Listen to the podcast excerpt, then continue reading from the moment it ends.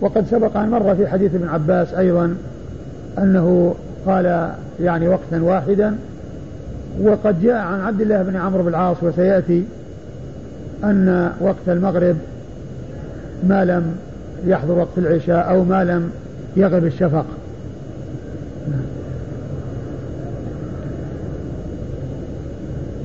قال حدثنا مسدد قال حدثنا عبد الله بن داود قال حدثنا بدر بن عثمان قال حدثنا أبو بكر بن أبي موسى عن أبي موسى رضي الله عنه أن سائلا سأل النبي صلى الله عليه وآله وسلم فلم يرد عليه شيئا حتى أمر بلالا رضي الله عنه فأقام الفجر حين انشق الفجر. فصلى حين كان الرجل لا يعرف وجه صاحبه أو أن الرجل لا يعرف من إلى جنبه. ثم أمر بلالا فأقام الظهر حين زالت الشمس حتى قال القائل انتصف النهار وهو أعلم ثم أمر بلالا فأقام العصر والشمس بيضاء مرتفعة وأمر بلالا فأقام المغرب حين غابت الشمس وأمر بلالا فأقام العشاء حين غاب الشفق. فلما كان من الغد صلى الفجر وانصرف فقلنا أطلعت الشمس؟ فأقام الظهر في وقت العصر الذي كان قبله وصلى العصر وقد اصفرت الشمس أو قال أمسى. وصلى المغرب قبل أن يغيب الشفق وصلى العشاء إلى ثلث الليل. ثم قال أين السائل؟ أين السائل عن وقت الصلاة؟ الوقت فيما بين هذين. ثم رد أبو داود رحمه الله حديث أبي موسى الأشعري رضي الله عنه أن سائلا سأل رسول الله صلى الله عليه وسلم عن الوقت فلم يجبه بالقول والتفصيل ولكنه أراد أن يوقفه بالفعل على أوقات الصلاة. فهو تعليم بالفعل. وبعد ذلك قال له الوقت بين هذين الوقتين. يعني بعد أن صلى في يومين وشاهد وعاين وعرف الوقت الذي صلى فيه فكان بيانه صلى الله عليه وسلم له بالفعل ثم أخبره بأن الوقت بين هذين الوقتين ولم يجبه بل انتظر حتى يمر عليه اليومان بحيث يعني آه، آه، يشاهد الصلاة ويعاين صلاة رسول الله صلى الله عليه وسلم في الوقت. في أوله وفي آخره ثم بعد ذلك قال له الصلاة يعني بين هذين الوقتين. إيش قال في أوله؟ أن سائلا سأل النبي صلى الله عليه وآله وسلم فلم يرد عليه شيئا حتى أمر بلالا فأقام الفجر حين انشق الفجر. يعني في يوم, في يوم من الأيام لما انشق الفجر يعني حين طلع الفجر وبدأ وفي أول الوقت أمره بأن يقيم الصلاة. فأقام وصلى. و... وصلى وإيش؟ فأقام الفجر حين انشق الفجر. فصلى حين كان الرجل لا يعرف وجه صاحبه أو أن الرجل لا يعرف من إلى جنبه. فصلى حين كان الرجل لا يعرف وجه صاحبه أو صلى وهو لا يعرف من كان إلى جانبه. يعني منه من الظلام. يعني منه مبكرا في أول الوقت. نعم. ثم أمر بلالا فأقام الظهر حين زالت الشمس حتى قال القائل انتصف النهار وهو أعلم. ثم أمر بلالا فأقام الصلاة حين زالت الشمس وحين يقول قائل انتصف النهار. يعني معناه في أول وقت. وليس المقصود يعني معناه الشك أو التردد انتصف ولا ما انتصف. ولكن هذا إشارة إلى أنه في أول وقت. قال وهو أعلم لعل المقصود من ذلك أنه يعني أنه انتصف النهار وأنه بالفعل وأنه ليس فيه تردد في أنه انتصف وما انتصف لأنه لا يجوز أن يصلى أن تصلى الصلاة في وقت مشكوك فيه هل هو نصف النهار أو ليس نصف النهار بل الواجب هو أن يؤتى بالصلاة بعد تحقق دخول الوقت وليس في الشك وإنما هذا فيه إشارة إلى المبادرة إلى الصلاة. يعني مثل ما جاء يعني في قضية صلاة الرسول صلى الله عليه وسلم في مزدلفة يعني هل طلع الفجر؟ طلع الفجر. وكذلك قول عائشة في كونه يصلي ركعتي الفجر حتى أقول هل قرأ فيهما بأم, بأم الكتاب؟ هل قرأ فيها بأم القرآن؟ يعني إشارة إلى تقليلها. وليس معناه الشك في أنه قرأ الفاتحة أو يعني أكملها أو ما أكملها. فهذه من هذه العبارات يراد بها الإشارة إلى التقليل يعني في هل قرأ بفاتحة الكتاب أو يعني الإشارة إلى أول الوقت هل يقال انتصف النهار أو هل طلع الفجر يقول قائل طلع الفجر. المقصود بذلك أنها في أول الوقت يعني معناه أنه أن أنه قد حصل الصلاة بعد دخول الوقت لكنه في أوله تماما.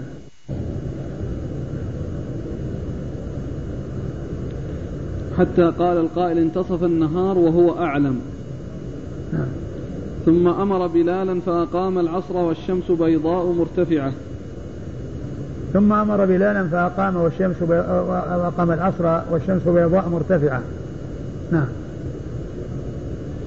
وأمر بلالا فأقام المغرب حين غابت الشمس. وأقام المغرب حين غابت الشمس يعني أول وقت. وأمر بلالا فأقام العشاء حين غاب الشفق. وأمر بلالا فأقام العشاء حين غاب الشفق يعني ذهب ذهبت الحمرة التي بعد غروب الشمس وجاء الظلام الشديد. فلما كان من الغد صلى الفجر وانصرف فقلنا أطلعت الشمس. ثم لما كان من الغد صلى الفجر وانصرف وقلنا أطلعت الشمس يعني معناها كادت أن تطلع يعني بعد فراغهم من الصلاة وهذا في آخر الوقت. وهذا في آخر الوقت نعم. فأقام الظهر في وقت في وقت العصر الذي كان قبله. وأقام وصلى الظهر وأقام الظهر وصلاه في الوقت في وقت وأقام؟ نعم فأقام الظهر في وقت العصر الذي كان قبله. يعني آه، أول الوقت ليس المقصود منه تداخل الوقتين وإنما المقصود منه بعد فراغ أو بعد انتهاء هذا جاء ذلك الوقت لأن الوقتين لا فاصل بينهما. وليس هناك تداخل في الوقت بحيث يكون وقت هو لصلاة الظهر ولصلاة العصر معا بل حين ينتهي وقت صلاة الظهر يدخل مباشرة وقت صلاة العصر بدون فاصل من الوقت بينهما. نعم. يعني معناها أخر الظهر إلى آخر وقتها. الذي يليه مباشرة أول وقت العصر. نعم. وصلى العصر وقد اصفرت الشمس. وصلى العصر وقد اصفرت الشمس يعني يعني في آخر وقتها الذي هو الوقت الاختياري. نعم أو قال أمسى. أو قال أمسى يعني معناه أنه جاء المساء. وصلى المغرب قبل أن يغيب الشفق. وصلى المغرب قبل أن يغيب الشفق. يعني معناه قرب وقت صلاة العشاء. لأن وقت العشاء غاب الشفق وهذا يعني عند مغيب الشفق أو قرب مغيب الشفق. وهذا فيه أن المغرب لها وقتان.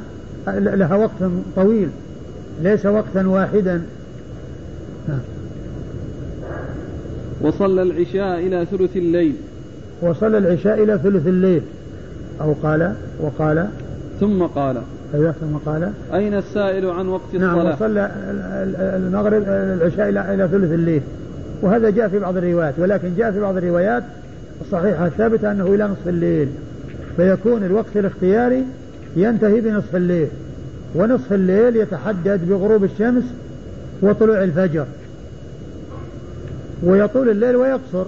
لكن الحد الذي يمكن أن يعرف آه، مقدار الليل ومقدار نصفه بمقدار المدة التي بين غروب الشمس وطلوع الفجر. فنصفها نصف الليل. قد يعني إذا طال الليل يعني آه، يعني طال الليل أم قصر من غروب الشمس إلى طلوع الفجر من الصف ونصفه هو نهاية وقت العشاء. ولا تؤخر عن عن نصف الليل إلا اضطرارا يعني بحيث يكون الإنسان مضطرا إلى ذلك بسبب نوم أو يعني آه، نسيان أو غفلة. وإلا فلا يجوز الإنسان يتعمد إخراجها عن نصف الليل الذي هو آخر الوقت الاختياري. قال ثم قال أين السائل عن وقت الصلاة؟ الوقت فيما بين هذين.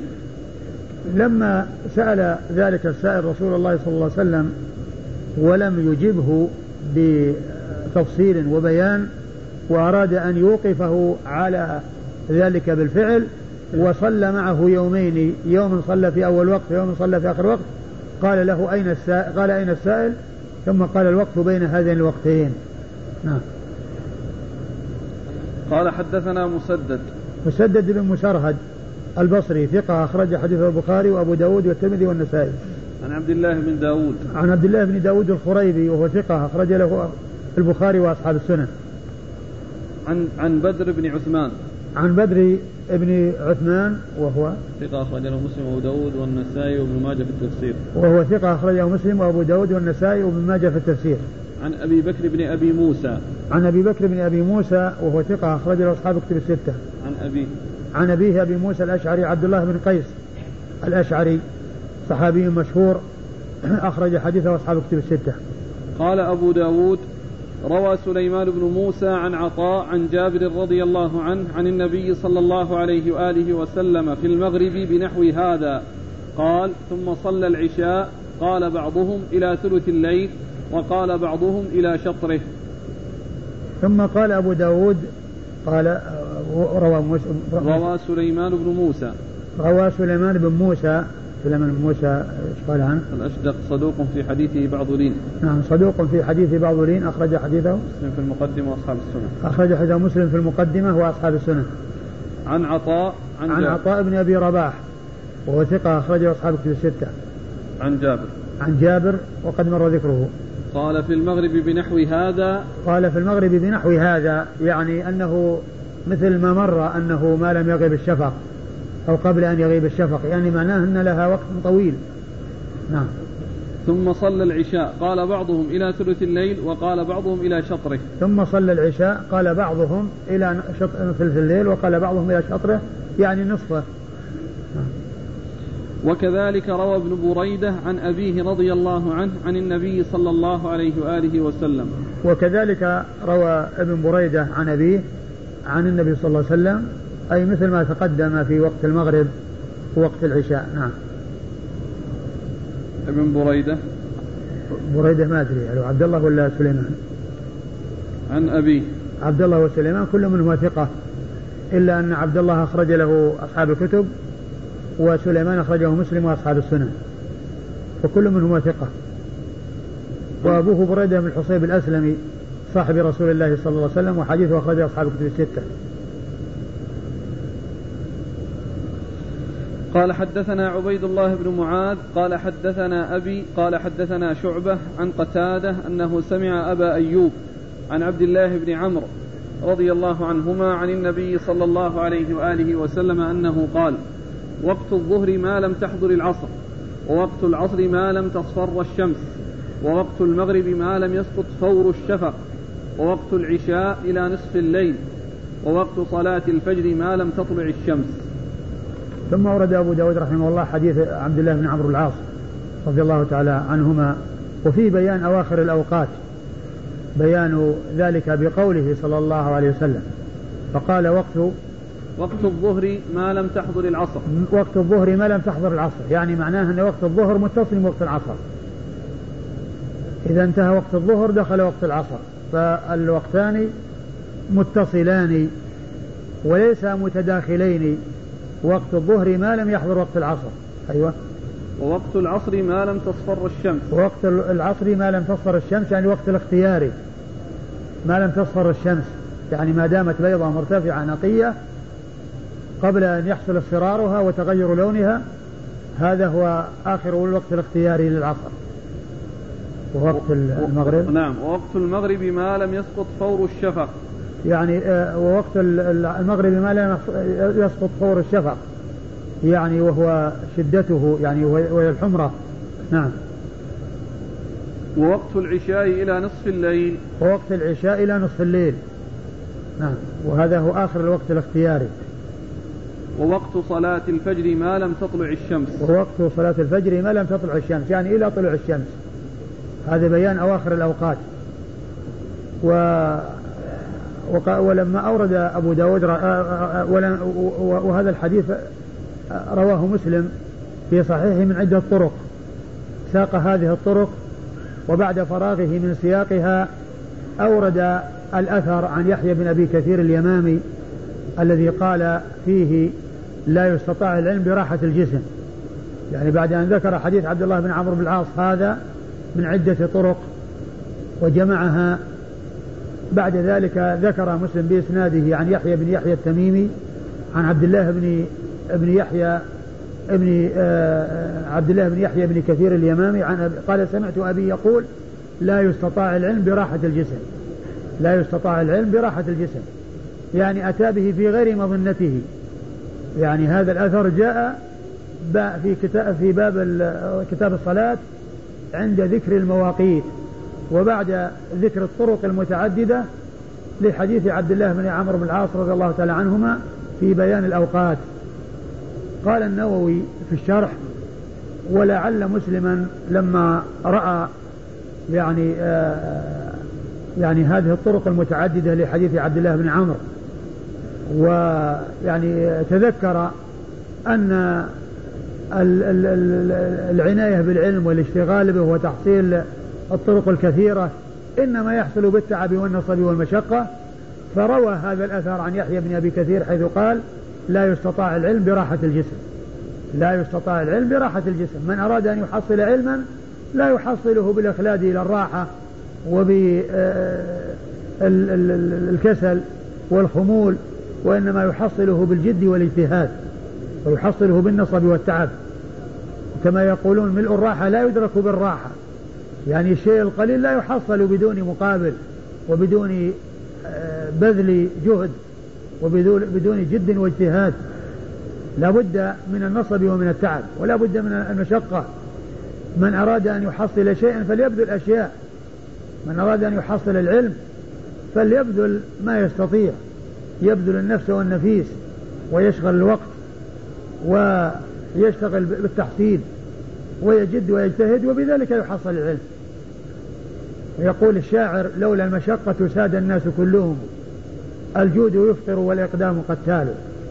لولا المشقة كل يصير سيد إذا صار السؤدد يحصل بالمجان ويحصل بدون تعب ومشقة ما يبقى أحد غير سيد كل يصير سيد لكن لما كان السؤدد لا يحصل إلا بالمشقة وليس كل يصبر على المشقة إذا يتميز من هو سيد ومن ليس بسيد. من يكون سيدا ومن يكون مقدما ومن يكون مرجعا ومن يكون يستفاد منه يحصل ذلك بالتعب والنصب والمشقة. لولا المشقة ساد الناس كلهم. الجود يفطر والإقدام قتال الجود الإنسان آه، آه، يكون عنده المال ولكنه يخشى الفقر فلا يبذل. ومن بذل ليس كل يصبر على هذا وليس كل يقدم على هذا. يعني من الناس من يكون عنده المال ولكنه يمسكه خشية الفقر. والإقدام قتال. كل إنسان يقدم في الوغى الإقدام في الوغى فيه الموت. وليس كل يصبر على الموت. وليس كل يعرض نفسه للموت. الحاصل أن هذا الأثر عن يحيى بن أبي كثير اليمامي رحمة الله عليه أثر عظيم يدل على أن تحصيل العلم لا يحصل إلا بالتعب. ومن أراد أن يحصل العلم فلا يحصله إلا بأن يتعب وينصب ويجتهد ويبذل ما يستطيع. ومن المعلوم أن من عرف بالعلم من المتقدمين الذين خلد الله ذكرهم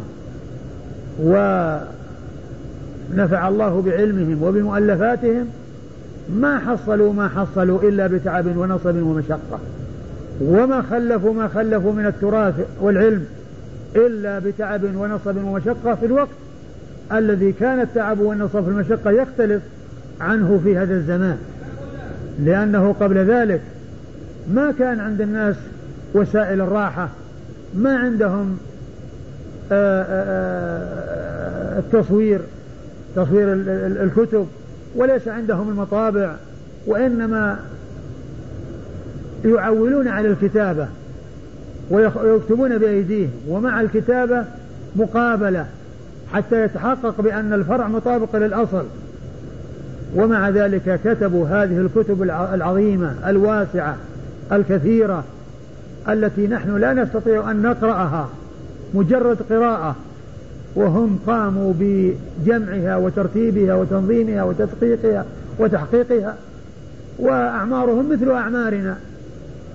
أعمارهم مثل أعمارنا. ما عندهم أعمار طويلة يعني آه، آه، بذلوها بطول الأعمار بل أعمارهم مثل أعمارنا.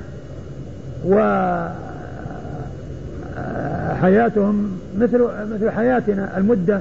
في المدد يعني ليس هناك إلا التوفيق من الله عز وجل والجد والاجتهاد وبذل الوسع والنفس والنفيس.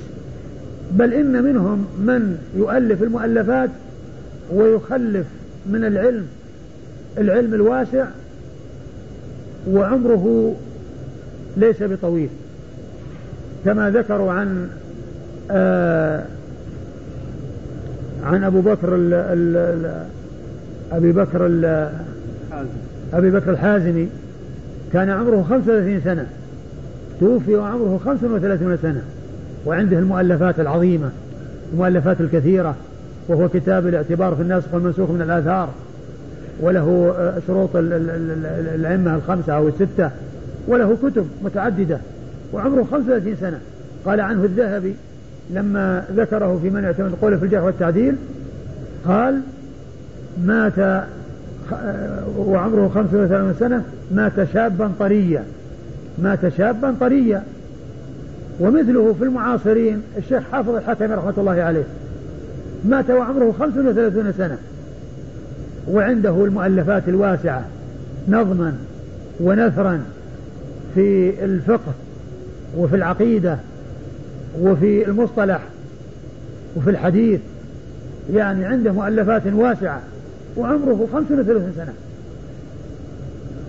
يعني مات وعمره 35 سنة.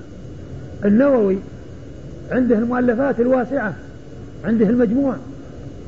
أو من أوسع كتب الفقه. من أوسع الكتب التي جمعت الفقه والتي آه، جمعت فقه الصحابة والتابعين والأئمة الأربعة وغيرهم. كتابه المجموع شرح المهذب. وهو كتاب المغني لابن قدامة. من أوسع الكتب أو أوسع الكتب التي تعنى بالفقه وجمع كلام الفقهاء من صحابة ومتابعين وغيرهم.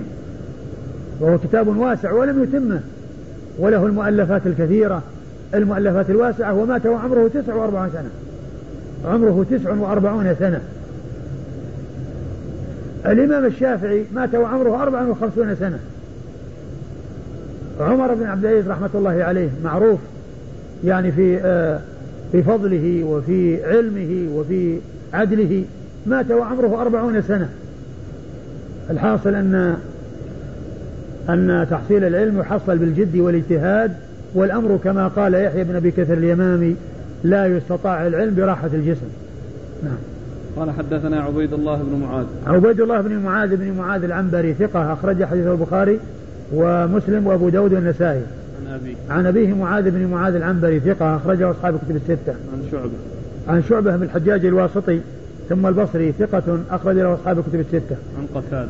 عن قتادة بن دعامة السدوسي البصري ثقة أخرج له أصحاب الكتب الستة. عن أبي أيوب. عن أبي أيوب وهو يحيى بن مالك وهو ثقة أخرج له. أصحاب الكتب إلا وهو ثقة أخرجه أصحاب الكتب الستة. إلا الترمذي. أصحاب أخرجه أصحاب الكتب الستة إلا الترمذي. عن عبد الله بن عمرو. عن عبد الله بن عمرو بن العاص رضي الله تعالى عنهما وقد مر ذكره. باب في وقت صلاة النبي صلى الله عليه وسلم. نعم. دقيقتين طيب والله تعالى أعلم وصلى الله وسلم وبارك على عبده ورسوله نبينا محمد وعلى آله وأصحابه أجمعين. الامر بلال في الصلاة. مع ذلك الأذان كان قبل أي نعم. الفجر. نعم. أول وقت الفجر يعني. أي نعم يعني معناه إنه منه أذن وقيمة الصلاة. إيه يمكن اعطاء القراءة نعم.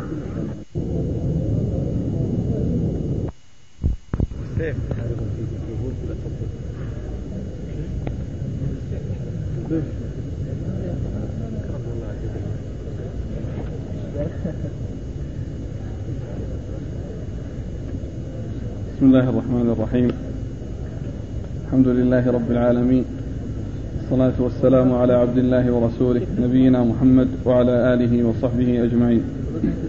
أما بعد قال الإمام أبو داود السجستاني رحمه الله تعالى باب في وقت صلاة النبي صلى الله عليه وآله وسلم وكيف كان يصليها. قال حدثنا مسلم بن إبراهيم قال حدثنا شعبة عن سعد بن إبراهيم عن محمد بن عمرو وهو ابن وهو ابن الحسن وهو ابن الحسن بن علي بن أبي طالب أنه قال سألنا جابر رضي الله عنه عن وقت صلاة النبي صلى الله عليه وآله وسلم فقال كان يصلي الظهر بالهاجرة والعصر والشمس حية والمغرب إذا غربت الشمس والعشاء إذا كثر الناس عجل وإذا قلوا أخر والصبح بغلس بسم الله الرحمن الرحيم. الحمد لله رب العالمين وصلى الله وسلم وبارك على عبده ورسوله نبينا محمد وعلى آله وأصحابه أجمعين. أما بعد يقول الإمام أبو داود, أبو داود السجستاني رحمه الله تعالى باب في وقت صلاة النبي صلى الله عليه وسلم صلى الله عليه وسلم وكيف كان يؤديها. هذه الترجمة تتعلق بالأوقات ولكن أبا داود ولكن أبا داود رحمه الله على طريقته في آه، ذكر التراجم المختلفة واختيارها وإيراد الأحاديث تحتها أتى بهذه الترجمة وهي تتعلق بالأوقات. وكان يمكن أن تدخل تحت ما تقدم في أوقات الصلاة. لأن الأحاديث مشتملة على أوقات الصلاة ولكن من أجل أنه جاء فيه ذكر صلاة النبي صلى الله عليه وسلم وكيفية ووقت صلاة النبي صلى الله عليه وسلم أتى بالترجمة من أجل ذلك. وإلا فإنها مثل الترجمة السابقة المتعلقة في آه، مواقيت الصلاة. أورد أبو داود رحمه الله حديث جابر بن عبد الله الأنصاري رضي الله تعالى عنهما أنه سئل أو سأله محمد بن عمرو بن الحسن بن علي بن أبي طالب عن وقت صلاة النبي صلى الله عليه وسلم فقال كان نعم. يصلي الظهر بالهاجرة يعني في وسط النهار عندما تزول الشمس. والعصر والشمس حية يعني أنها بيضاء نقية في شدة وهجها وصفاء لونها و والمغرب. والعصر والشمس والنعم والمغرب إذا غربت الشمس. والمغرب إذا غربت الشمس. إذا غربت الشمس وغاب قرصها فإنه يصليها وهذا أي أول وقتها. نعم. والعشاء إذا كثر الناس عجل. والعش والعشاء إذا كثر الناس يعني بعد دخول وقتها وهو مغيب الشفق كان إذا كثر الناس عجل وإذا وإذا قلوا. وإذا قلوا أخر يعني في انتظارهم. وذلك أن وقتها موسع وتأخيرها وذلك أن تأخيرها ورد ما يدل على فضله.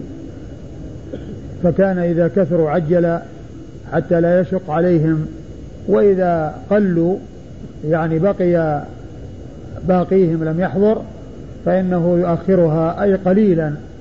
نعم. والصبح بغلس. والصبح بغلس يعني في أول وقتها.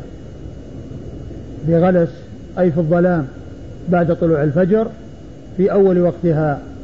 نعم. قال حدثنا مسلم بن إبراهيم. مسلم بن إبراهيم الفراهيدي ثقة أخرج له أصحاب كتب الستة.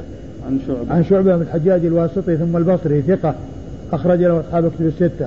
عن سعد بن إبراهيم. عن سعد بن إبراهيم وهو ثقة أخرج له أصحاب كتب الستة. عن محمد بن عمرو. عن محمد بن عمرو بن الحسن بن علي بن أبي طالب وهو ثقة أخرج له البخاري ومسلم وأبو داود النسائي. عن جابر. عن جابر بن عبد الله الأنصاري رضي الله تعالى عنهما صحابي بن صحابي وهو أحد السبعة المعروفين بكثرة الحديث عن النبي صلى الله عليه وسلم.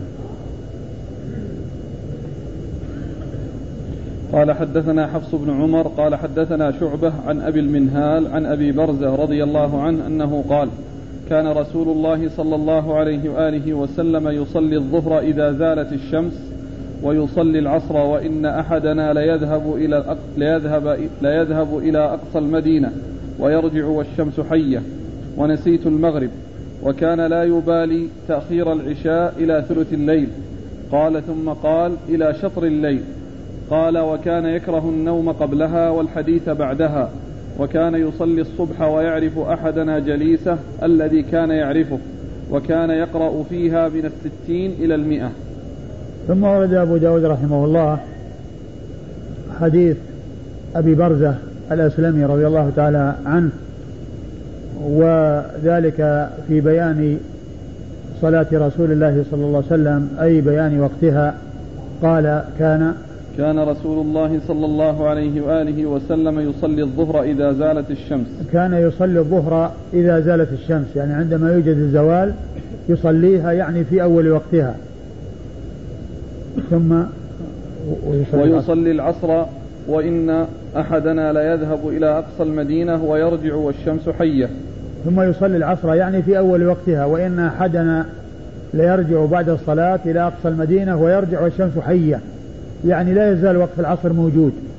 يعني معناه أنه يصليها في أول وقتها ويذهب أحدنا إلى أقصى المدينة ويرجع والشمس حية. يعني لا زال وقت العصر موجودا. نعم. قال ونسيت المغرب. قال ونسيت المغرب. يعني آه الوقت الذي كان يصليها فيه. والذي نسب إليه النسيان هو أحد الرواة وهو أبو المنهال سيار بن سلامة. كما جاء في بعض الروايات أنه هو الذي نسي. نعم. قال وكان لا يبالي تأخير العشاء إلى ثلث الليل. قال وكان لا يبالي تأخير العشاء إلى ثلث الليل. يعني معناه أنه يستحب تأخيرها. ولكنه خشية أن يشق على الناس إذا رآهم كثروا عجل نعم. قال ثم قال إلى شطر الليل. ثم قال ثم إلى شطر الليل. يعني إلى نصف الليل إلى ثلث الليل وإلى شطر الليل. وشطر الليل الذي هو نصفه هو حد الوقت الاختياري. الوقت الاختياري لصلاة العشاء نهايته نصف الليل. وكما أشرت من قبل نصف الليل يكون تقديره بمعرفة آه، وقت الغروب ووقت طلوع الفجر ومجموع ما بين هذين الوقتين نصفه هو منتصف الليل. نعم. قال وكان يكره النوم قبلها والحديث بعدها. قال وكان يكره النوم قبلها يعني قبل صلاة العشاء. وذلك لأن النوم قبلها يؤدي إلى آه، تفويت صلاة العشاء. يعني إما تفويتها بأن يخرج وقتها الاختياري أو لتفويت الجماعة أو تفوته الجماعة. بمعنى أنه إذا نام قبل العشاء يكون ذلك سببا إما لفوات الجماعة عليه وكونه لا يصلي جماعة بسبب هذا النوم الذي قبلها وكذلك أيضا أو فوات الوقت الاختياري بأن يستمر معه النوم إلى أن يخرج الوقت الاختياري أي نصف الليل. والحديث بعدها يعني السمرة والحديث بعدها يعني إذا كان لغير آه، فائدة ولغير مصلحة آه ك كعلم أو أمر فيه مصلحة تعود على الناس بالخير وإذا كان كذلك فإنه لا بأس. لكن المهم في الأمر ألا يكون ذلك سببا في التأخر عن الفجر وذلك بأن ينام ثم يقوم.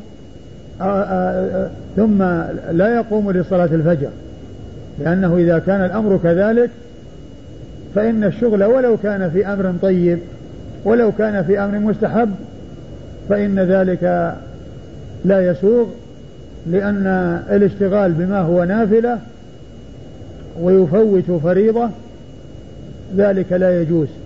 وقد قال بعض أهل العلم من شغله الفرض عن النفل فهو معذور. ومن شغله آه، النفل عن الفرض فهو مغرور. بمعنى أن الإنسان بعد صلاة العشاء ولو كان في أمر مستحب ولو كان في علم ولو كان في مصلحة يعني آه، عامة وذلك يؤدي إلى فوات الفجر فإن ذلك لا يجوز. على الإنسان أن ينام مبكرا حتى يستيقظ مبكرا. نعم. وكان يصلي الصبح ويعرف أحدنا جليسه الذي كان يعرفه.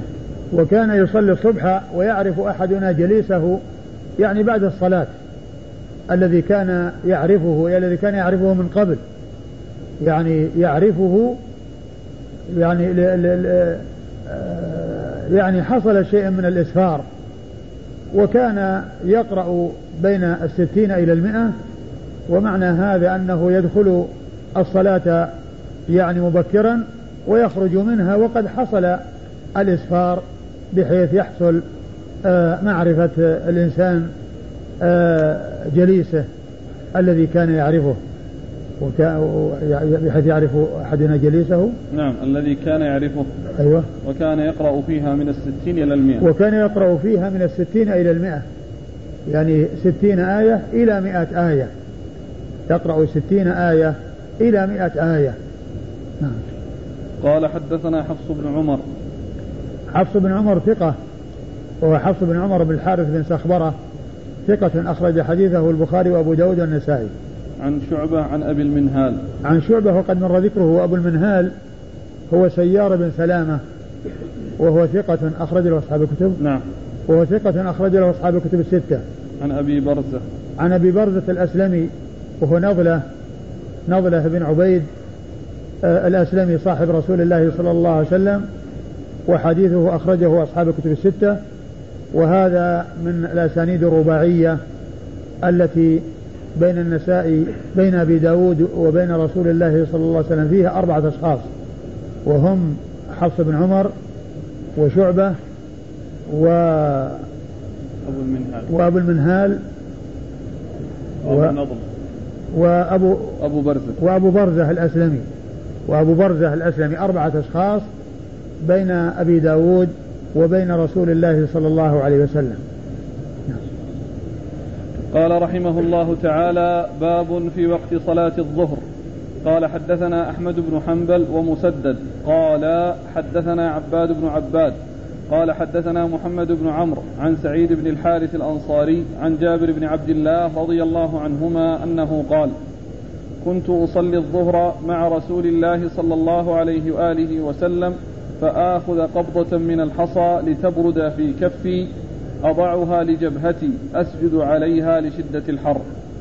ثم أورد أبو داود رحمه الله باب وقت صلاة الظهر.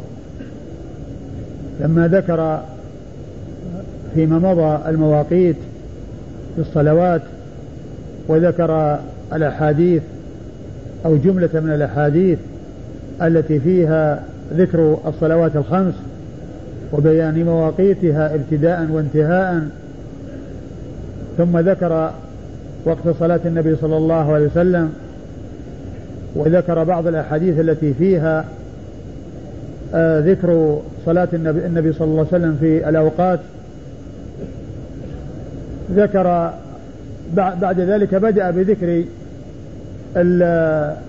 الأبواب لكل صلاة من الصلوات الخمس فبدأ بالظهر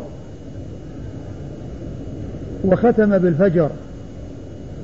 وبدأ بالظهر لأنه هو التي هي التي آه، جاء في حديث جبريل الذي أما النبي صلى الله عليه وسلم آه، في الصلوات الخمس حيث بدأ بالظهر وختم بالفجر.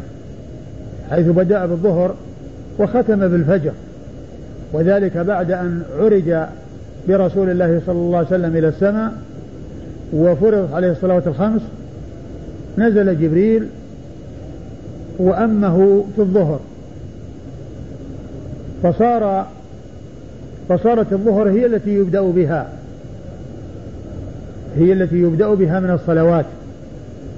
لأن جبريل بدأ بها ولأنه نزل في وقتها وبدأ بها حيث صلى في يوم من الأيام في أول الوقت وفي اليوم الآخر صلى في آخر الوقت بدءا بالظهر وختما بالفجر.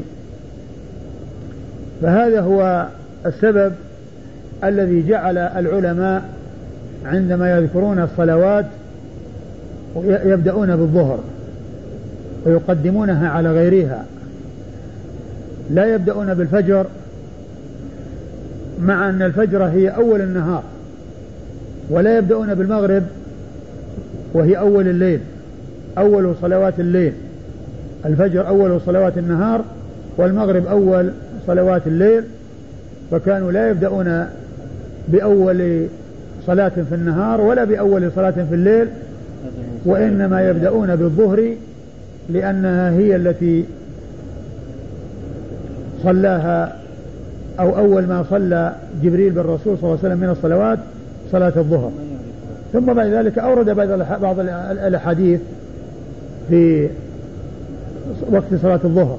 فأورد حديث جابر رضي الله تعالى عنه أنه كان يصلي مع النبي صلى الله عليه وسلم وكان وكانت الأرض يعني شديدة الحرارة وكان يشق عليهم السجود على الأرض فكان يأخذ قبضة من الحصباء ويعني يقبض عليها بيده حتى تبرد وتذهب حرارتها ثم يلقيها عند السجود على موضع سجوده وذلك ليخف أو لتخف عليه الحرارة. لأنه إذا سجد والحرارة شديدة يشغله ذلك عن الصلاة وعن الخشوع في الصلاة فكان يفعل ذلك.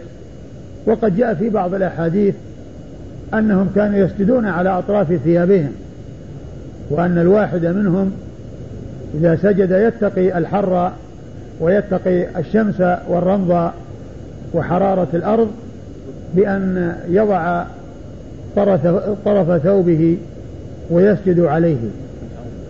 فكانوا آه، يتقون حرارة الشمس بما آه، ذكره جابر هنا وبما جاء في بعض الأحاديث أنهم كانوا يسجدون على أطراف ثيابهم بحيث لا يكون عندهم شيء آه، يجعلونه بينهم وبين الأرض.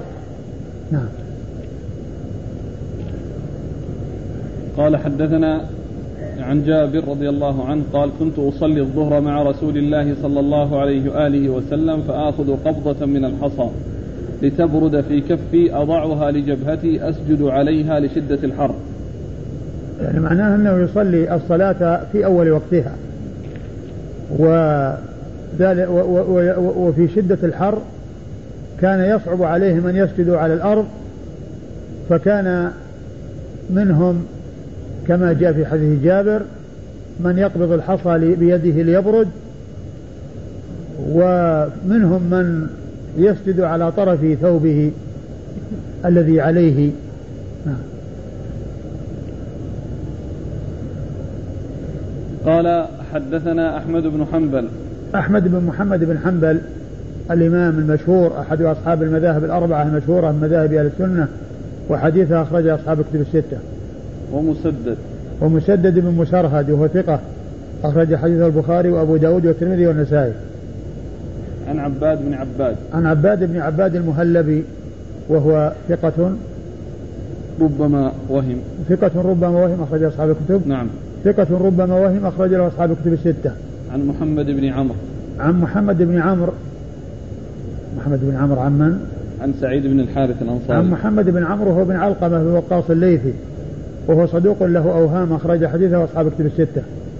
عن سعيد بن الحارث الأنصاري. عن سعيد بن الحارث الأنصاري وهو ثقة أخرج له. أصحاب الكتب وهو ثقة أخرج له أصحاب الكتب الستة. عن جابر بن عن جابر بن عبد الله وقد مر ذكره. أحسن الله إليك إذا كان جائز للإنسان أن يضع الثوب طرف ثوبه الذي يصلي فيه فلما كانت هذه الحركة من جابر؟ لأن الخطابي يفهم من كلامه خلاف. لا بس مو صحيح كلام الخطابي لأنه جاء حديث صحيحة. يعني بعضها في البخاري أنه كان يسجد على طرف ثوبه. يعني فكلام الخطابي فيما ذكره عن مسألة أنهم كان يعني عدم بسط الردة هذا غير صحيح.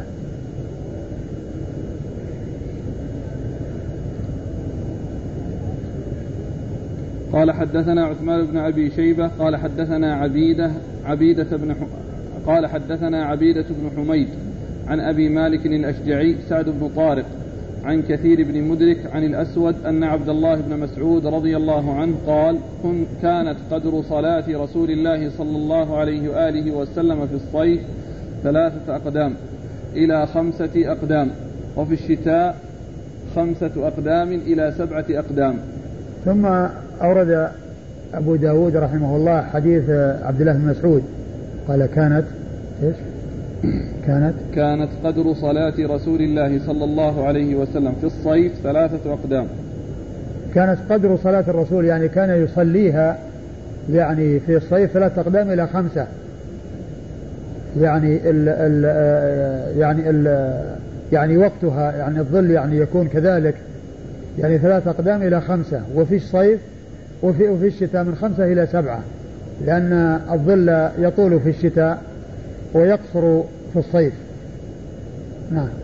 قال حدثنا عثمان بن أبي شيبة. عثمان بن أبي شيبة ثقة أخرج له أصحاب الكتب إلا الترمذي. عن عبيدة بن حميد. عن عبيدة بن حميد وهو صدوق ربما أخطأ أخرج البخاري وأصحاب السنن. صدوق ربما أخطأ أخرج له البخاري وأصحاب السنن. عن أبي مالك الأشجعي سعد بن طارق. عن أبي مالك الأشجعي وهو سعد بن طارق وهو ثقة أخرج له البخاري تعليقا ومسلم وأصحاب السنن البخاري تعليقا ومسلم وأصحاب السنن عن كثير بن مدرك. عن كثير بن مدرك وهو ثقة أخرج له مسلم. نعم وأبو داود والنسائي. مسلم وأبو داود والنسائي. عن الأسود. عن الأسود بن يزيد بن قيس النخعي وهو ثقة مخضرم أخرج له أصحاب كتب الستة. عبد الله بن مسعود. عن عبد الله بن مسعود آه الهذلي رضي الله تعالى عنه وأرضاه وهو آه صحابي مشهور وحديثه أخرجه أصحاب كتب الستة.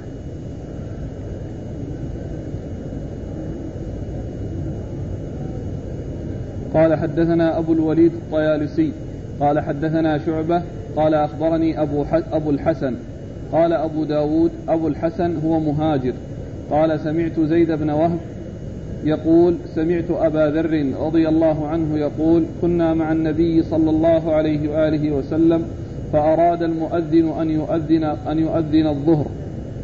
فقال أبرد. ثم أراد أن يؤذن. فقال أبرد.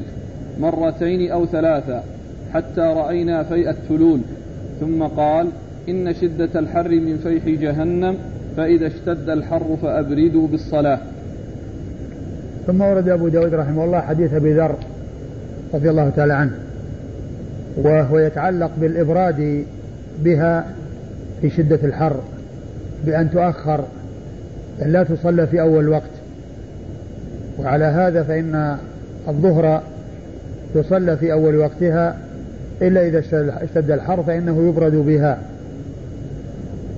وكذلك العشاء تصلى في أول أول وقتها تصلى في أول وقتها إلا أنه إذا آه أمكن ذلك ولم يكن هناك مشقة أنها تؤخر. وبقية الصلاة تصلى في أول وقتها. بقية الصلوات تصلى في أول وقتها. الفجر في أول وقتها والعصر في أول وقتها والمغرب في أول وقتها. والتأخير إنما جاء للعشاء وللظهر. وحديث آه، أبي ذر رضي الله عنه أن المؤذن أراد أن يؤذن يعني كالعادة في أول الوقت فقال له أبرد. يعني معناه يعني أخر الأذان حتى يحصل الإبراد. يعني ويخف تخف الحرارة نوعا ما.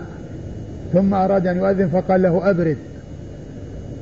ثم قال آه، إيش؟ أبرد بالصلاة. نعم. أراد أن يؤذن فقال له أبرد ثم أراد أن يؤذن فقال أبرد مرتين أو ثلاثة. أيوة. حتى رأينا في التلول آه، مرتين أو ثلاثا يقول له أبرد ويؤخر ويأمره بتأخير الأذان. حتى رأينا في التلول وهي آه، الرمال المنبطحة التي ليست يعني قائمة كالجدار. ومن المعلوم أن ظلها إذا وجد معناه أنه مضى يعني آه، شيء من الوقت. لأن الذي يكون ظله يأتي بسرعة هو القائم كالجدار. وأما التلول وهي الكثيب من الرمل وشبهه فإنه لا يأتي ظلها إلا بعد وقت. نعم. إن شدة الحر من فيح جهنم. ثم قال إن شدة الحر من فيح جهنم. إن شدة الحر يعني أنها تؤخر. عن أول وقتها الذي فيه شدة الحرارة ووقوف وكون الشمس على الرؤوس أو تميل بعد ذلك فإن ذلك يكون وقت شدة الحر والإبراد بها حتى تخف الحرارة على الناس مطلوب. وقال إن شدة الحر من فيح جهنم. وفسر هذا بتفسيرين أحدهما بأن ذلك حقيقة وأن هذا الذي يوجد من شدة الحر إنما هو من جهنم وما يوجد من شدة البرودة في الشتاء إنما هو من زمهرير جهنم. وقيل إن المقصود من ذلك آه، التشبيه وأن ذلك يشبه يعني آآ آه، آه، فيح جهنم وهو ما يظهر وينتشر يعني منها. فإن ذلك يشبهه يعني أن فيه حرارة كما أن ذاك فيه حرارة لكن كما هو معلوم حرارة النار وشدة حرارة النار كما قد جاء في الحديث عن رسول الله صلى الله عليه وسلم أن نار جهنم آه تعدل آه هي أعظم من نار الدنيا بسبعين مرة بمعنى أن النار التي عند الناس في هذه الحياة الدنيا جزء من سبعين جزءا من نار جهنم يعني في الحرارة. يعني هذه جزء من سبعين جزءا. ومعنى هذا أن الحرارة يعني في غاية الشدة وفي أعلى ما يكون من الشدة وأقصى ما يكون من الشدة إذا كانت هذه النار التي في الدنيا ويشاهدها الناس جزء من سبعين جزءا من نار جهنم فكيف يكون حرارة ذلك مع أنها آه، آه، سبعين ضعفا لها نعم قال حدثنا أبو الوليد الطيالسي أبو الوليد الطيالسي هو هشام بن عبد الملك ثقة أخرج له أصحاب كتب الستة. عن شعبة عن أبي الحسن. شعبة مر ذكره أبي الحسن مهاجر وهو ثقة. نعم. أخرج له أصحاب الكتب إلا ابن ماجه. أخرج له أصحاب الكتب الستة إلا ابن ماجه. عن زيد بن وهب. عن زيد بن وهب وهو ثقة أخرج له أصحاب الكتب. نعم. ثقة أخرج له أصحاب الكتب الستة. عن أبي ذر. عن أبي ذر الغفاري صاحب رسول الله صلى الله عليه وسلم وهو جندب بن جنادة وحديثه عند أصحاب الكتب الستة قال حدثنا يزيد بن خالد بن موهب الهمداني وقتيبة بن سعيد الثقفي أن الليث حدثهم عن ابن شهاب عن سعيد بن المسيب وأبي سلمة عن أبي هريرة رضي الله عنه أن رسول الله صلى الله عليه وآله وسلم قال إذا اشتد إذا اشتد الحر فأبردوا عن الصلاة. قال ابن موهب بالصلاة فإن شدة الحر من فيح جهنم. ثم أورد أبو داود رحمه الله حديث أبي هريرة وهو مثل حديث آه، أبي ذر المتقدم وذكره عن شيخين أحدهما يزيد بن خالد بن موهب والثاني قتيبة بن سعيد وأحدهما قال أبردوا, آه، أبردوا عن الصلاة وهو قتيبة والثاني قال أبردوا بالصلاة وهو ابن موهب. نعم. قال حدثنا يزيد بن خالد بن موهب الهمداني. يزيد بن خالد بن موهب الهمداني أبو داود رحمه الله أحيانا يذكر نسب يذكره ويقلل آه، نسبه وأحيانا يطوله كما سبق أن مره في بعض في بعض الروايات بعض الأحاديث أتى به سطرا كاملا. وقالوا يزيد بن خالد ابن عبد الله ابن يزيد ابن موهب الهمداني آه، الهمداني وهنا قال يزيد بن خالد ابن عبد الله بن موهب الهمداني وهو ثقة أخرج حديثه؟ البخاري أبو داود والنسائي بن ماجه. أخرج حديثه البخاري؟ لا أبو داود والنسائي بن ماجه. أخرج حديثه أبو داود والنسائي بن ماجه. وقتيبة بن سعيد. وقتيبة بن سعيد ثقة أخرجه أصحاب كتب الستة. عن الليث. الليث بن سعد المصري ثقة أخرج له أصحاب كتب الستة. عن ابن شهاب. عن ابن شهاب محمد بن مسلم بن عبيد الله بن شهاب الزهري ثقة أخرج له أصحاب كتب الستة. عن سعيد بن المسيب عن سعيد بن المسيب وهو ثقة فقيه أحد فقهاء المدينة السبعة في أصل التابعين على آه على أنه من الستة المتفق على عدهم في الفقهاء السبعة. وأبو أبو سلمة بن عبد الرحمن بن عوف هو ثقة فقيه أحد فقهاء المدينة السبعة على أحد الأقوال الثلاثة في السابع منهم. وعلى هذا في وحديثه أخرجه أصحاب الكتب الستة. وعلى هذا في الإسناد فيه واحد من الفقهاء السبعة بالاتفاق وواحد من الفقهاء السبعة على قول في السابع منهم وهو أبو سلمة بن عبد الرحمن بن عوف. عن أبي هريرة عبد الرحمن بن صخر الدوسي صاحب رسول الله صلى الله عليه وسلم وهو أكثر الصحابة حديثا على الإطلاق.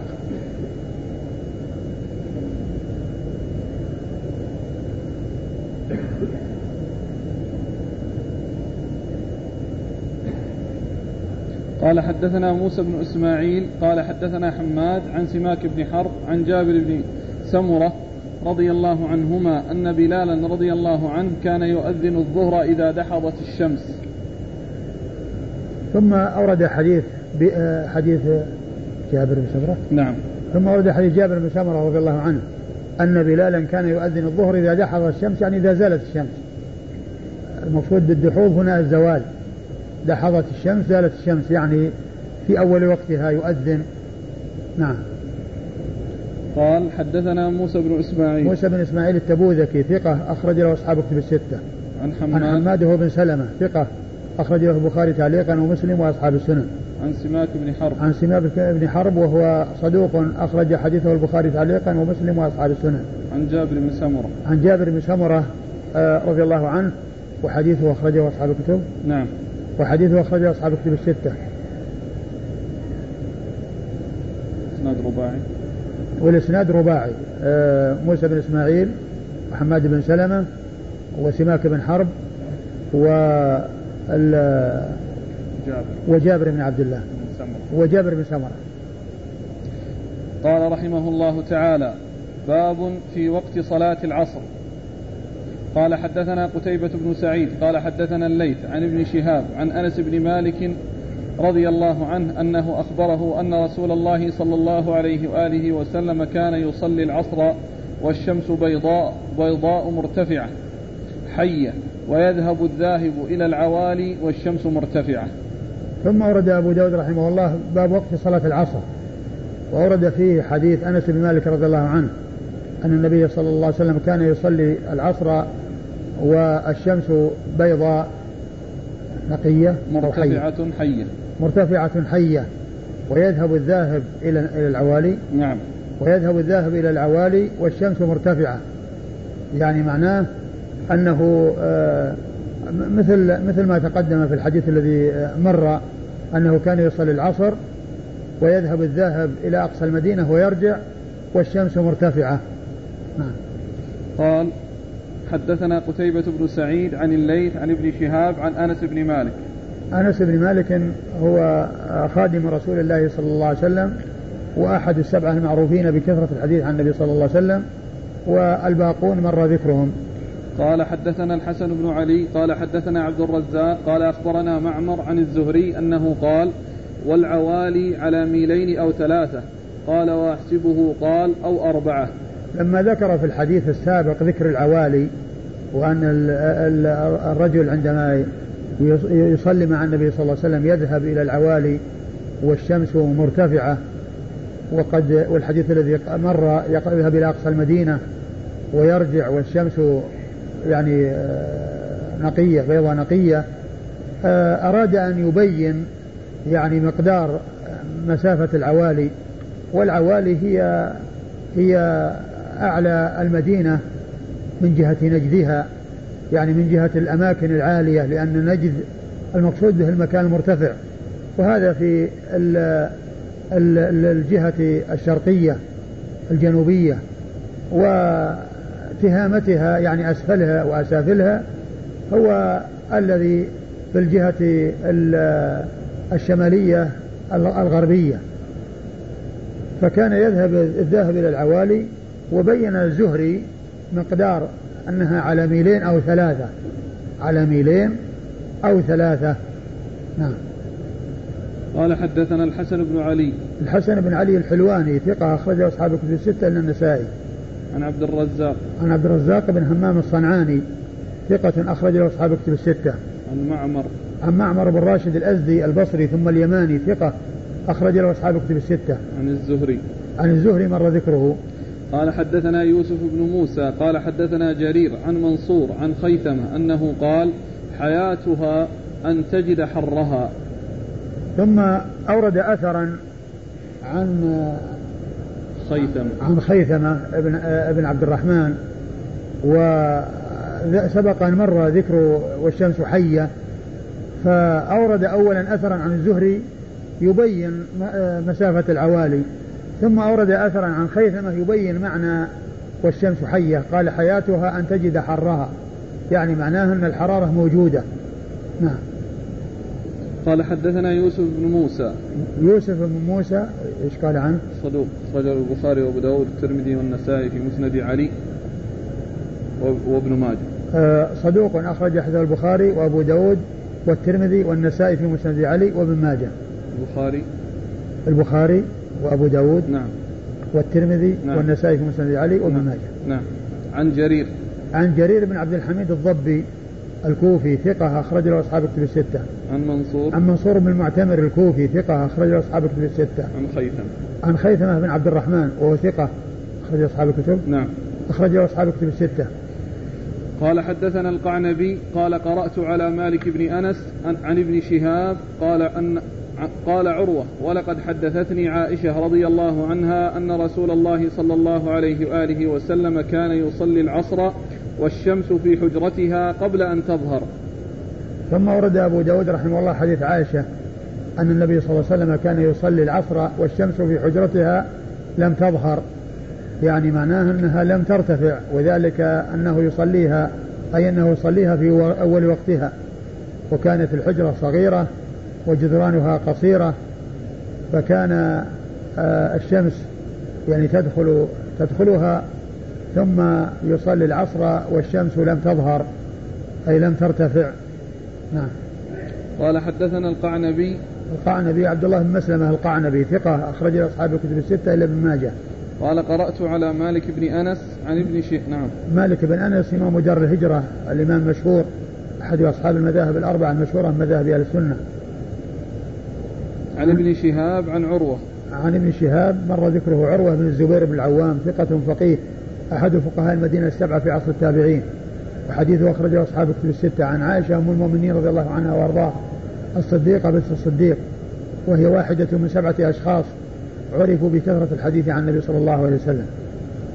قال حدثنا محمد بن عبد الرحمن العنبري قال حدثنا إبراهيم بن أبي الوزير قال حدثنا محمد بن يزيد اليامي اليمامي قال حدثني يزيد بن عبد الرحمن بن علي بن شيبان عن أبيه عن جده علي بن شيبان رضي الله عنه أنه قال قدمنا على رسول الله صلى الله عليه وآله وسلم المدينة فكان يؤخر العصر ما دامت الشمس بيضاء نقية. ثم ورد أبو داود رحمه الله حديث علي بن شيبان رضي الله عنه أن النبي صلى الله عليه وسلم يؤخر العصر ما دامت الشمس بيضاء نقية. يعني معناه أنها ما لم تصفر ما لم تصفر. وإذا جاءت الصفرة فإنه ينتهي آه، يبدأ الوقت الاضطراري وما دامت الشمس بيضاء نقية فهذا هو الوقت الاختياري نعم. قال حدثنا محمد بن عبد الرحمن العنبري. محمد بن عبد الرحمن العنبري ثقة أخرج حديث أبو داود. نعم. ثقة أخرج حديث أبو داود وحده. عن إبراهيم بن أبي الوزير. عن إبراهيم بن أبي الوزير وهو ثقة صدوق أخرجه البخاري وأصحاب صدوق؟ صدوق؟ نعم. صدوق أخرجه البخاري وأصحاب السنن عن محمد بن يزيد اليمامي. عن محمد بن يزيد اليمامي وهو مجهول أخرج حديث أبو داود وحده. عن يزيد بن عبد الرحمن بن علي بن شيبان. عن يزيد بن عبد الرحمن بن علي بن شيبان وهو أيضا مجهول أخرج حديثه أبو داود وحده.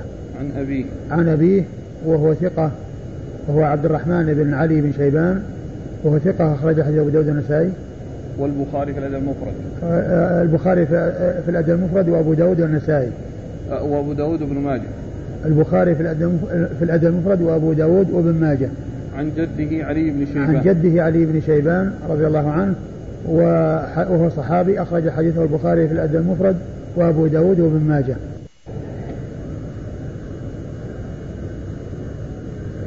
قال حدثنا عثمان بن أبي شيبة قال حدثنا يحيى بن زكريا بن أبي زائدة ويزيد بن هارون عن هشام بن حسان عن محمد بن سيرين عن عبيدة عن علي رضي الله عنه أن رسول الله صلى الله عليه وآله وسلم قال يوم الخندق حبسونا عن, صل عن, عن صلاة الوسطى صلاة العصر. ملأ الله بيوتهم وقبورهم نارا. ثم ورد أبو داود رحمه الله حديث علي بن أبي طالب رضي الله تعالى عنه وأرضاه أن النبي عليه الصلاة والسلام قال يوم الخندق حبسونا أي المشركون الأحزاب الذين تجمعوا لقتال رسول الله صلى الله عليه وسلم وأصحابه حبسونا عن صلاة الوسطى صلاة العصر.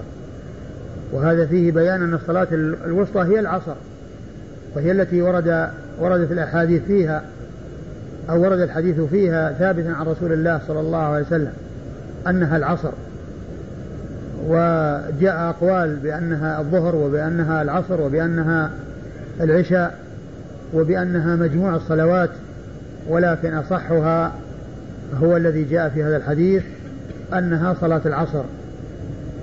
حبسونا عن صلاة الوسطى صلاة العصر ملأ الله بيوتهم وقبورهم نارا يعني دعاء عليهم بأن آه، يصيبهم العذاب في الدنيا وفي الآخرة. نعم قال حدثنا عثمان بن أبي شيبة عن يحيى يحيى هو القطان يحيى بن زكريا بن أبي زائدة يحيى بن يحيى بن زكريا بن أبي زائدة ثقة أخرج أصحاب كتب الستة. ويزيد بن هارون. ويزيد بن هارون الواسطي ثقة أخرج أصحاب كتب الستة. عن هشام بن حسان. عن هشام بن حسان ثقة أخرج أصحاب كتب الستة. عن محمد, عن محمد بن سيرين ثقة أخرج له أصحاب كتب الستة. عن عبيدة. عن عبيدة بن عمرو السلماني ثقة أخرج له أصحاب كتب الستة. عن علي. عن علي بن أبي طالب رضي الله تعالى عنه وأرضاه أمير المؤمنين ورابع الخلفاء الراشدين الهادين المهديين صاحب المناقب الجمة والفوائد الكثيرة وحديثه عند أصحاب الكتب الستة.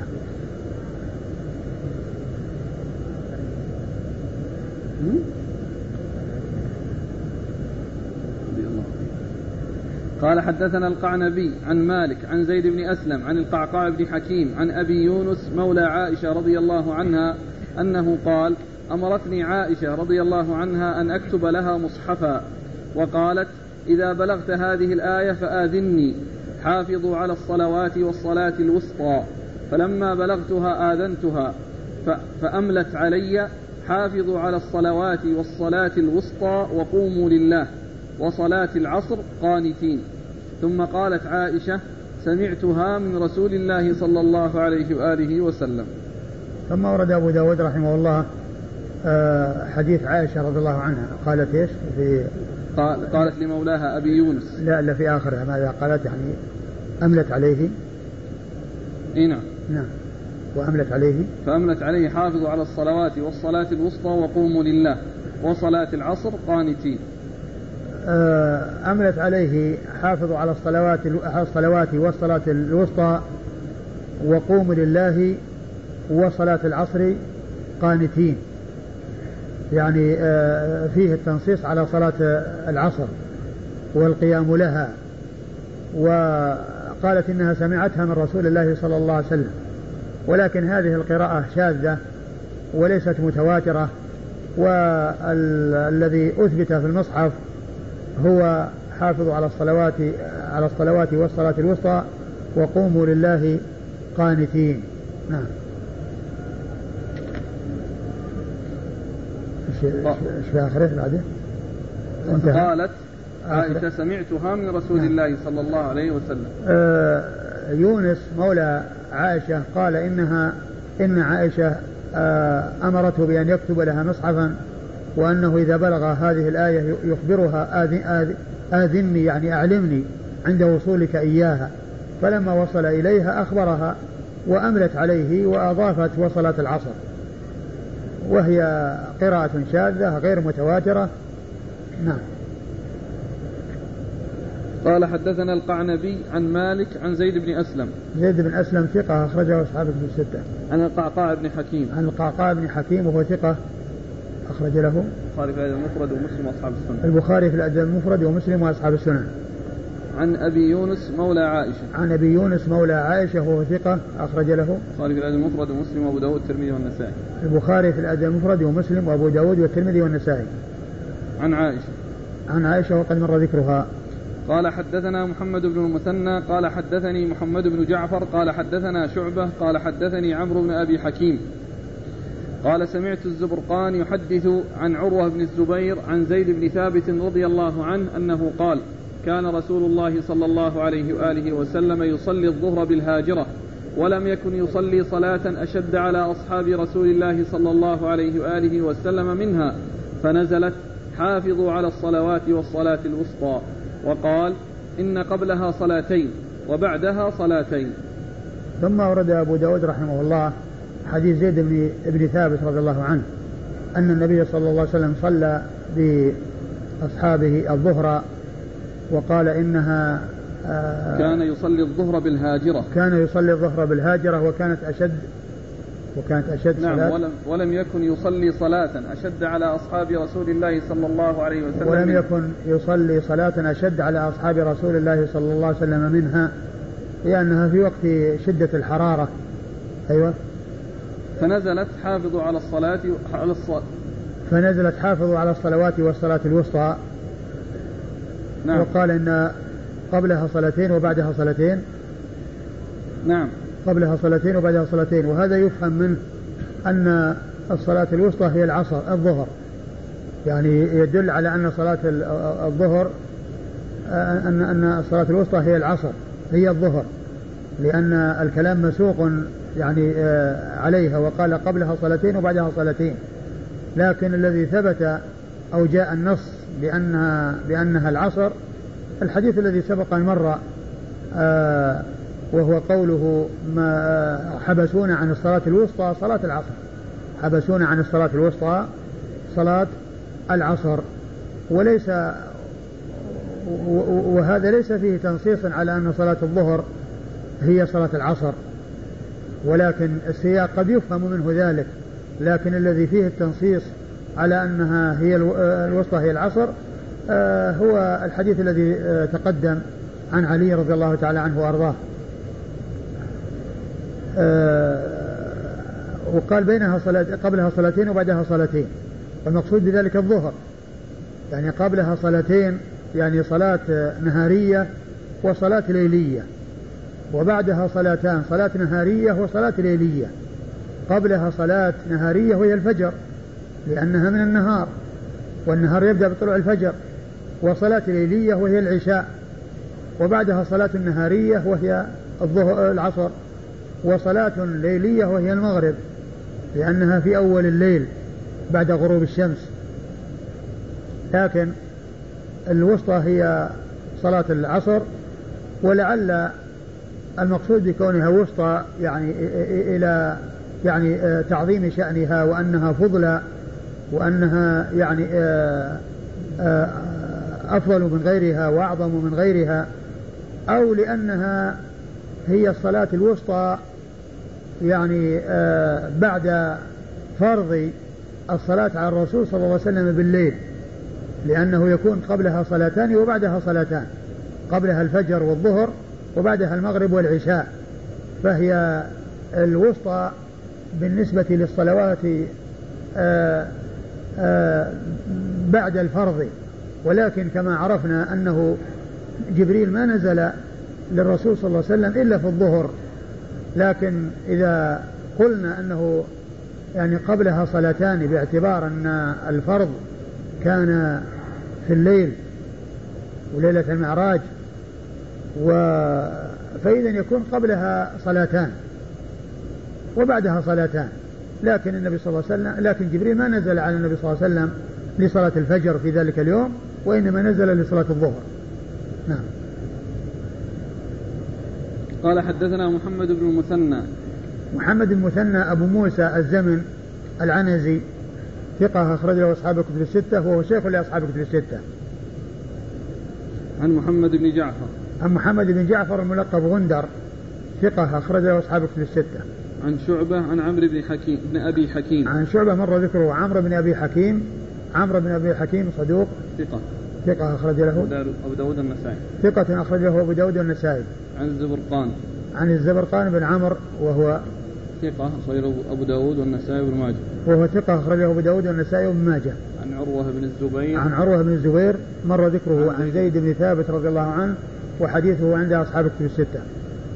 قال حدثنا الحسن بن الربيع قال حدثني ابن المبارك عن معمر عن, عبد عن ابن طاووس عن أبيه عن ابن عباس عن أبي هريرة رضي الله عنهم أنه قال قال رسول الله صلى الله عليه وآله وسلم من أدرك من العصر ركعة قبل أن تغرب الشمس فقد أدرك ومن أدرك من الفجر ركعة قبل أن تطلع الشمس فقد أدرك.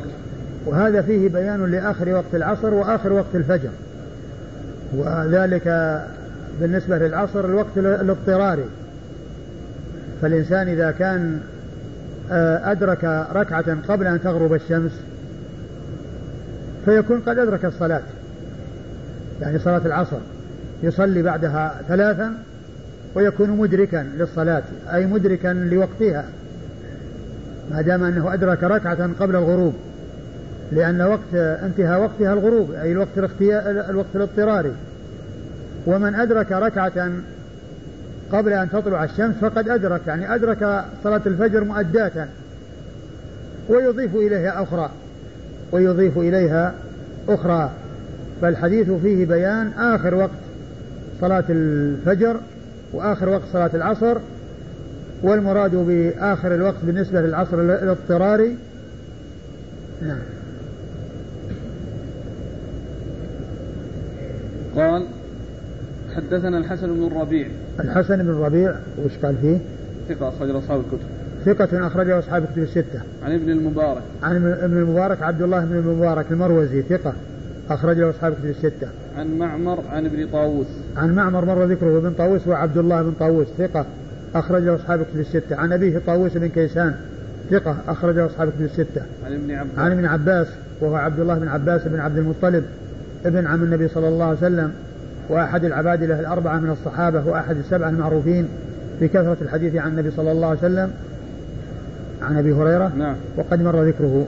قال حدثنا القعنبي عن مالك عن العلاء بن عبد الرحمن أنه قال دخلنا على أنس بن مالك رضي الله عنه بعد الظهر فقام يصلي العصر فلما فرغ من صلاته ذكرنا تعجيل الصلاة أو ذكرها فقال سمعت رسول الله صلى الله عليه وآله وسلم يقول تلك صلاة المنافقين تلك صلاة المنافقين تلك صلاة المنافقين. يجلس أحدهم حتى إذا اصفرت الشمس فكانت بين قرني شيطان أو على قرني الشيطان قام فنقر أربعا لا يذكر الله فيها إلا قليلا. ثم ورد بعد ذلك آه، حديث أنس بن مالك رضي الله عنه أنهم كانوا عنده فبعد الظهر يعني آه، قام لصلاة العصر يعني لصلاتها في أول وقتها. قام لصلاتها في أول وقتها. فلما ذكروا التعجيل أشار إلى أن التعجيل آه، هو الذي ينبغي لأن فيه المبادرة إلى إبراء الذمة.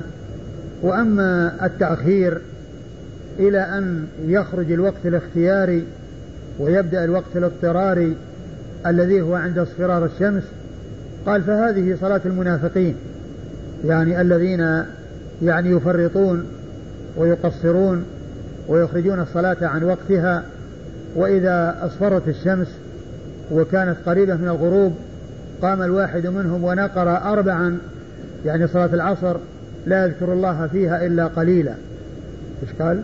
قال تلك صلاة المنافقين تلك صلاة المنافقين يجلس أحدهم حتى إذا اصفرت الشمس فكانت بين قرني شيطان. حتى إذا اصفرت الشمس وكانت بين قرني شيطان يعني عند غروبها. وقيل بين قرني شيطان فسر بأن الشيطان يكون يعني عند عند عند غروبها يعني يعني حتى يكون سجود من يسجد لها يعني له. ومن المعلوم أن من يعبد غير الله إنما يعبد الشيطان. وعبادته عبادة لغير الله عز وجل والذين يعبدون الشمس هم يعبدون غير الله ولكنه يريد أن يكون السجود له. الذين يسجدون للشمس يعني يكون سجودهم له. ولهذا جاء النهي عن الصلوات عند طلوع الشمس وعند قيامها وعند غروبها وذلك أنها تطلع بين قرني الشيطان وتغرب بين قرني الشيطان ففسر ذلك بهذا و وفسر بغير وفسر بغير هذا أيضا. نعم. قال حدثنا القعنبي عن مالك عن العلاء بن عبد الرحمن. العلاء بن عبد الرحمن الحرقي وهو صدوق. ربما وهم. صدوق ربما وهم أخرجه أصحاب الكتب الستة. البخاري جزء القراءة ومسلم. البخاري؟ البخاري في جزء القراءة ومسلم وأصحاب السنن. نعم. البخاري في جزء القراءة ومسلم وأصحاب السنن. عن أنس. أي وقد مر ذكره والحديث رباعي. نعم. قال حدثنا عبد الله بن مسلمة عن مالك عن نافع عن ابن عمر رضي الله عنهما أن رسول الله صلى الله عليه وآله وسلم قال الذي تفوته صلاة العصر فكأنما وتر أهله وماله. ثم أورد أبو داود رحمه الله حديث. ابن عمر. حديث ابن عمر قال الذي تفوته صلاة العصر كأنما وتر أهله وماله. يعني معناه سلب إياهم وأخذوا وأخذوا وأخذوا منه وبقي وحيدا وبقي فردا ليس له أهل ولا مال.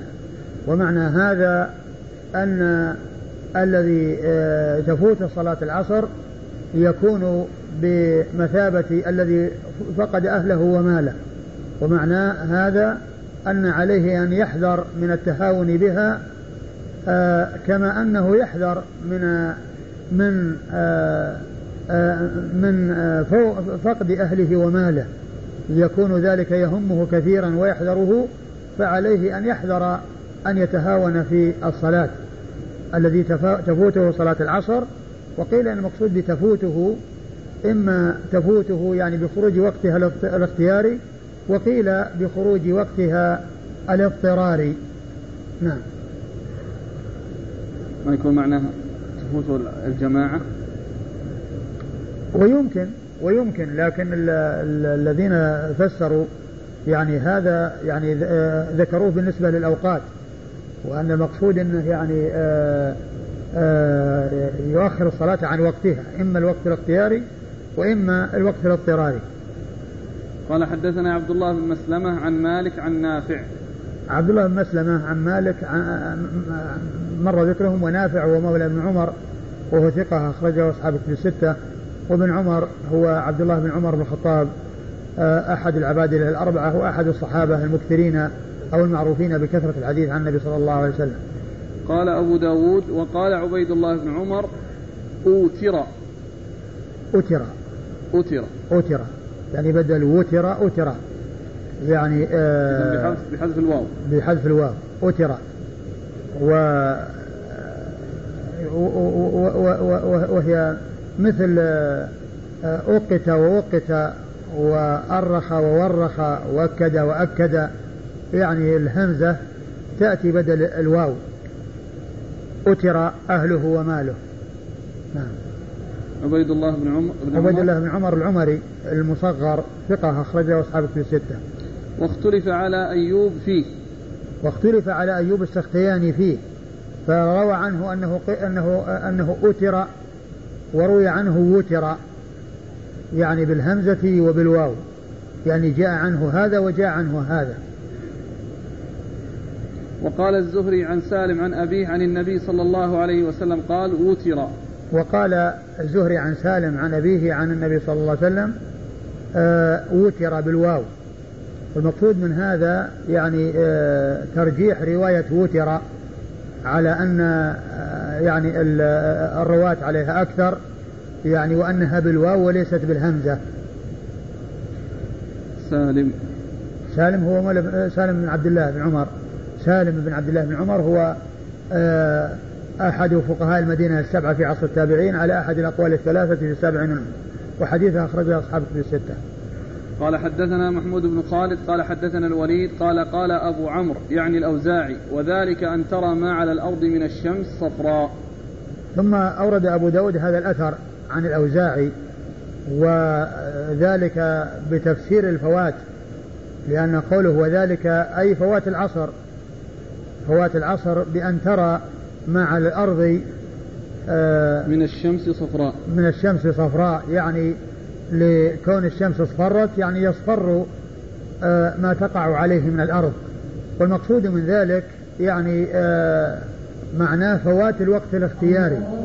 فوات الوقت الاختياري الذي هو والشمس حية نقية بحيث يعني تصلى في حال اصفرار الشمس.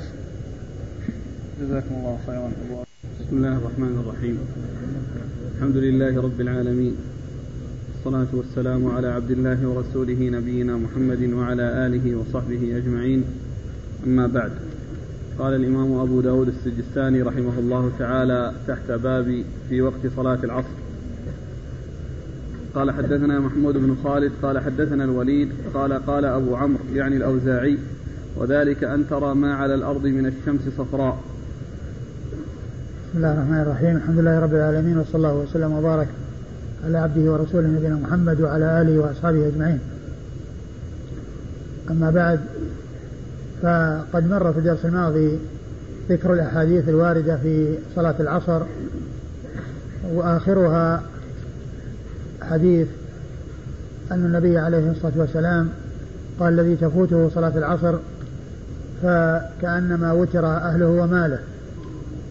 وبعد ذلك أورد أبو داود رحمه الله هذا الأثر عن الأوزاعي يبين المراد بالفوات وأنه يفوت الوقت الاختياري لصلاة العصر وهو ما قبل اصفرار الشمس وذلك بأن يؤديها بأن يؤديها في حال الاصفرار الذي هو بعد خروج وقتها الاختياري فيكون يعني ما جاء في الحديث من بيان الخسارة الفادحة والمضرة الكبيرة التي حصلت لمن فاتته صلاة العصر أن المقصود من ذلك من فاته أداؤها في الوقت الاختياري من فاته أداؤها في الوقت الاختياري وذلك أن الأوزاعي رحمه الله قال وذلك وذلك أي الفوات.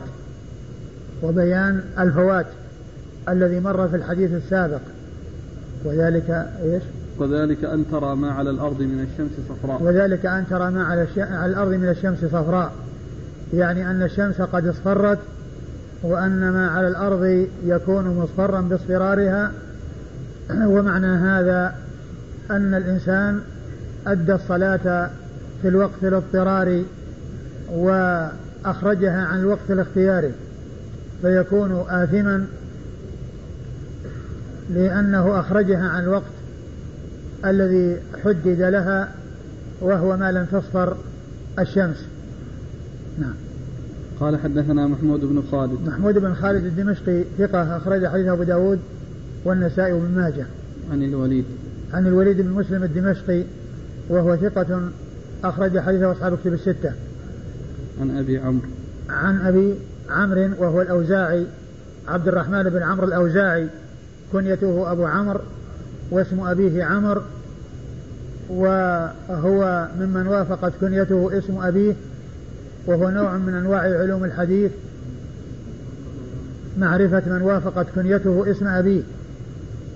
وفائدة معرفة هذا النوع من علوم الحديث ألا يظن التصحيف فيما لو جاء ابن بدل أبو أو أبو بدل ابن هو عبد الرحمن بن عمرو. فلو جاء في بعض الروايات عبد الرحمن أبو عمرو هو صحيح لأنه هو عبد الرحمن أبو عمرو وقد وافقت كنيته اسم أبيه. فالذي لا يعرف أن كنيته أبو عمرو ويعرف أنه عبد الرحمن بن عمرو لو وجده عبد الرحمن أبو عمرو يقول أبو مصحف عن ابن. لأنه عبد الرحمن بن عمر فإذا أبو مصحف عن ابن مع أنها ليست مصحفة لأن كنيته أبو عمر واسم أبيه عمر فلا تصحيف إن جاء عبد الرحمن بن عمر صحيح وإن جاء عبد الرحمن أبو عمر صحيح. وهو ثقة فقيه فقيه الشام ومحدثها أخرج حديثه وأصحاب كتب الستة.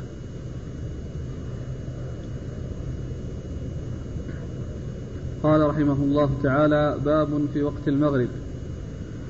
قال حدثنا داود بن شبيب قال حدثنا حماد عن ثابت البناني عن أنس بن مالك رضي الله عنه أنه قال كنا نصلي المغرب مع النبي صلى الله عليه وآله وسلم ثم نرمي فيرى أحدنا موضع نبله.